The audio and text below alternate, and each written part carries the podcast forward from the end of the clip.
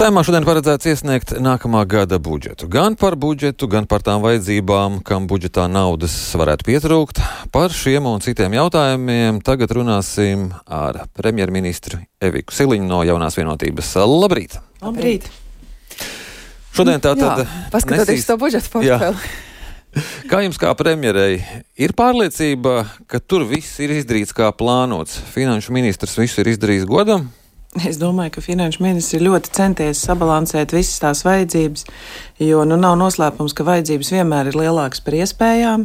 Šajā budžetā eh, trīs galvenās prioritātes bija iekšējā, ārējā drošība, veselība, izglītība. Tā mēs arī koncentrējam visus nu, savus spēkus, un arī, lai šoreiz nebūtu tā, ka katra nozara plosa budžetu un beigās īsti neviens nav apmierināts, tad tiešām bija solīta veselībai eh, tātad lielāks finansējums. Mēs vēlamies, lai Latvijas cilvēki būtu būt izglītot, veseli un droši, un tur arī tas galvenais mērķis ir. Protams, ir arī atbalsts kultūrai, uzņēmējiem. Nav arī tā, ka esam pavisam tikai šīs trīs prioritātes vērtējuši, tāpat arī saimas frakcijas rosināja vēl tātad ideju par pievienotās vērtības nodokļu augļiem un dārziņiem. Tas tagad pirmajā lasīmā nebūs.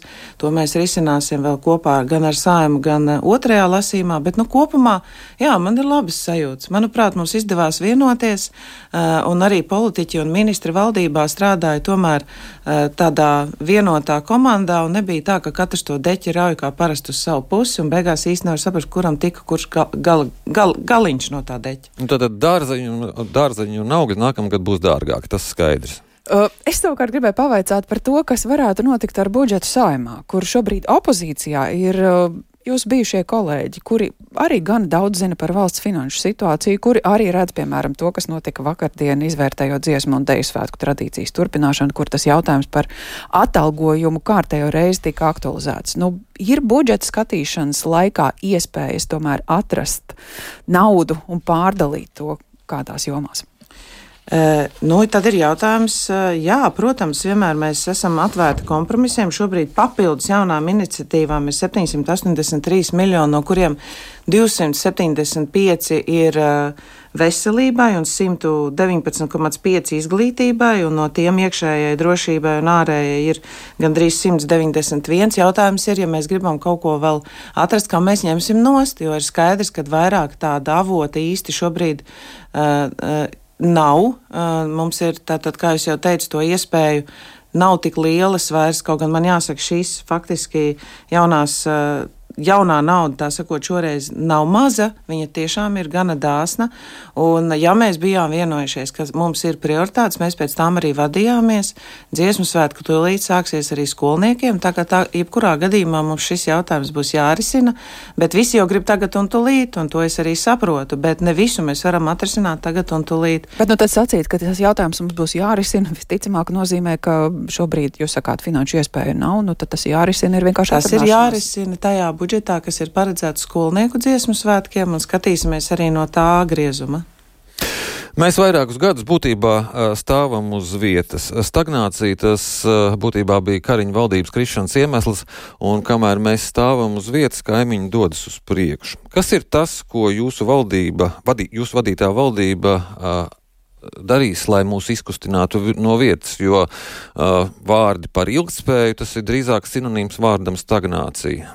Es jums nepiekrītu. Gan ilgspēja nozīmē, ka mēs ieguldam savā izglītībā, lai mums tiešām būtu konkurētspējīgi darbinieki vēlāk, lai būtu cilvēki, kas spēj veidot biznesu, nevis cilvēki, kas brauc meklēt darbu kaut kur ārzemēs un eh, neatbrauc atpakaļ. Mums ir ļoti svarīgi, lai mums ir vairāk jauniešu, kas interesējās par inženierzinātnēm, fiziku, un tāpēc šis ieguldījums izglītībā ir būtisks, īpaši šor, šoreiz arī bez pedagoģa atalgojuma ir arī ieguldījums STEM izglītības in, tādā interešu pavairošanā un īpaši programma, lai gan skolotāji izglītotos, gan jaunieši, gan arī skolas somu mēs paplašinātu ne tikai ar muzejiem, kas ir labi un kultūras pasākumiem, bet lai arī jaunieši braukt uz dažādām ar inženieriju saistītām aktivitātēm. Tas, manuprāt, ir ļoti būtiski.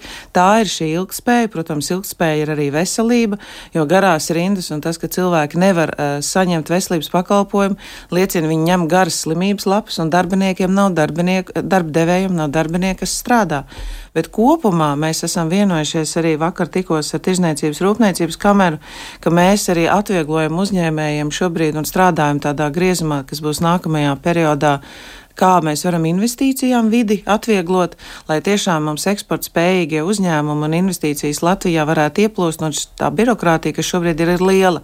Tā kā mēs sāksim pēc tāda picas principa, un pirmais, kur mēs birokrātiju tā pa nozari mazināsim, būs tātad šī investīciju ieguldīšana nekustamo īpašumu visā tajā vidē, lai varētu attīstīt gan industriālos parkus, gan arī iet ātrāk uz priekšu ar šādām investīcijām. Jo, ja arī būvniecības process ir ļoti garš, tad, protams, investori nespēj nespēja to sagaidīt, un viņi vienkārši aiziet. Tā tā ir viena no jomām, kuras redzu, tas tad, būs tas pirmais grieziens. Tad ekonomikas iekustināšanā jūs galveno akcentu liekat uz cerībām, ka būs investīcijas. Jā, investīcija, eksporta spēja un produktivitāte. Un, lai tas viss būtu, nu, tas nav vien, viena atbilde, tur nav, tur ir vesels kopums. Tāpat arī mēs esam solījuši, ka mēs banku konkurenci pavairosim. Mēs šobrīd strādājam pie tā. Saimā jūs dzirdat diskusiju, tas vairāk arī, protams, uz uh, hipotekāriem kredītiem, bet tas arī ir svarīgi, lai mūsu bankas sāktu arī ar mums, nu, vēl vairāk runāt, diskutēt. Mums ir vajadzīga šī banku konkurētspēja. Tagad ir atvērusies arī diskusija par Altumu banku, bet mēs arī uh, iespēju no vienas bankas pāriet uz otru, lai varētu pārkreditēties, esam uzsākuši un visdrīzāk arī tāds likumprojekts būs. Tad Altuma būs banka. Tur vēl jārunā, vai Altuma būs banka, bet par to ir vēl jādiskutē, jāatrod labākais veids. Tas nav tik vienkārši finanšu nozarē. Protams, arī no Eiropas ir uh, savas uh, veida prasības, lai mēs nesubsidējam, nu kā valsts nesniedzam pārāk lielu atbalstu, neiesaistamies privātajā biznesā un neiznīcinam arī konkurenci, bet ņemot vērā, ka tā konkurence mums Latvijā varētu būt lielāka, es domāju, tur jāatrod tāds gudrs veids, kā šo risināt. Nu, vēl viena nozara, kur konkurence un subsīdijas ir ārkārtīgi svarīgs, ir lauksaimnieki. Mēs vakar redzējām, cik cik, cik daudz bija pulcējušies, lai, lai saprastu, kā to situāciju risināt, kur visticamākais runa ir nevis par nākamā gada budžetu, bet kur jau tūliņi ir vajadzīga lauksaimniecības ministra iesaiste. Jūs saredzat, ka, ka šis process, tas dialogs arī vērsīsies darbos?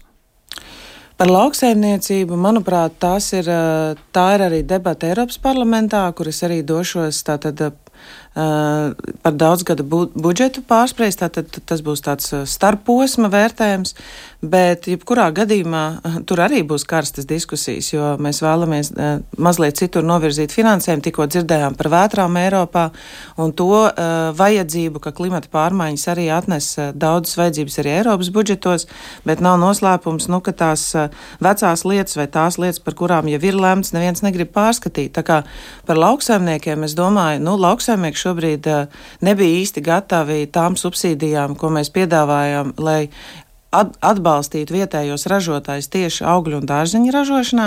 Vairāk visus interesē tātad šī e, samazinātā pievienotās vērtības likme, kura pagaidām no šīs valdības nav tikusi bijusi lemta, viņa vienkārši beidzās šā gada beigās, un tas nozīmē, ka mums ir jāatver vaļā šai valdībai jau tas, kas iepriekšējā laikā bija paredzēts, ka tas vienkārši izbeigsies. Tā kā nu, tās izšķiršanās nav vienkāršas un vajadzība ir daudz.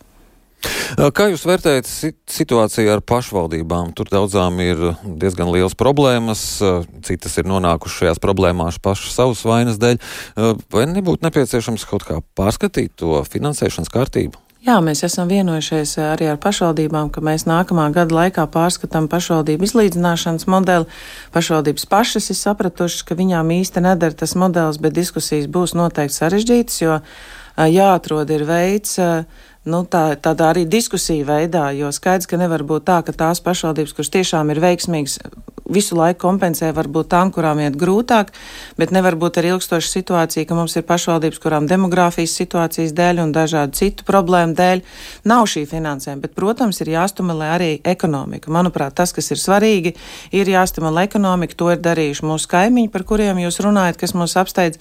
Tur katrā pašvaldībā ir arī pienesums no tādas ekonomiskās aktivitātes. Mums par to būs jādomā, un pašvaldībām būs jābūt gana drosmīgām arī atzīt, ka varbūt tā ekonomiskā aktivitāte daudzās pašvaldībās ir bijis zema, ne tikai tāpēc, ka tur nav cilvēku, bet arī ir jābūt nu, tādai ieinteresētībai. Un meklēsim veidus, varbūt arī kā stimulēt un motivēt un iedot arī burkāns, lai pašvaldības būtu ieinteresētas. Bet kāpēc jūs sakat, ka diskusijas būs smagas, ja reiz pašvaldības pašas sapratušas, ka šī sistēma īsti nestrādā? Nē, nu viens ir atzīt, ka sistēma nestrādā, bet otrs ir saprast, kā viņu izlabot un kā būs tie kompensējušie mehānismi. Jo šobrīd skaidrs, ka tās pašvaldības, kas pelna nedaudz vairāk, daļēji subsidē tās pašvaldības, kurām iet grūtāk.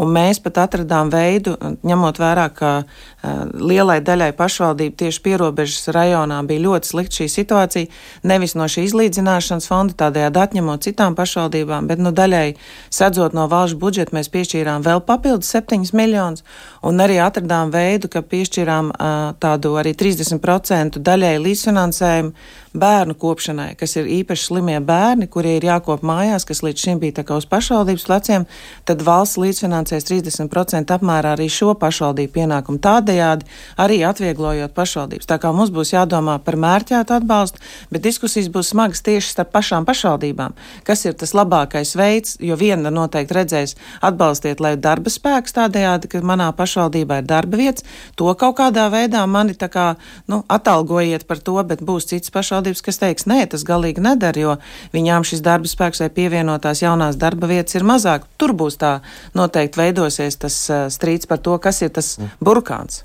Un, un vēl paskaidrojiet, lūdzu, kāda būs valdības rīcība ārkārtas, nopietnas ārkārtas situācijas gadījumā, kā rīkosies valdības vadītāji, valdība evakuējās?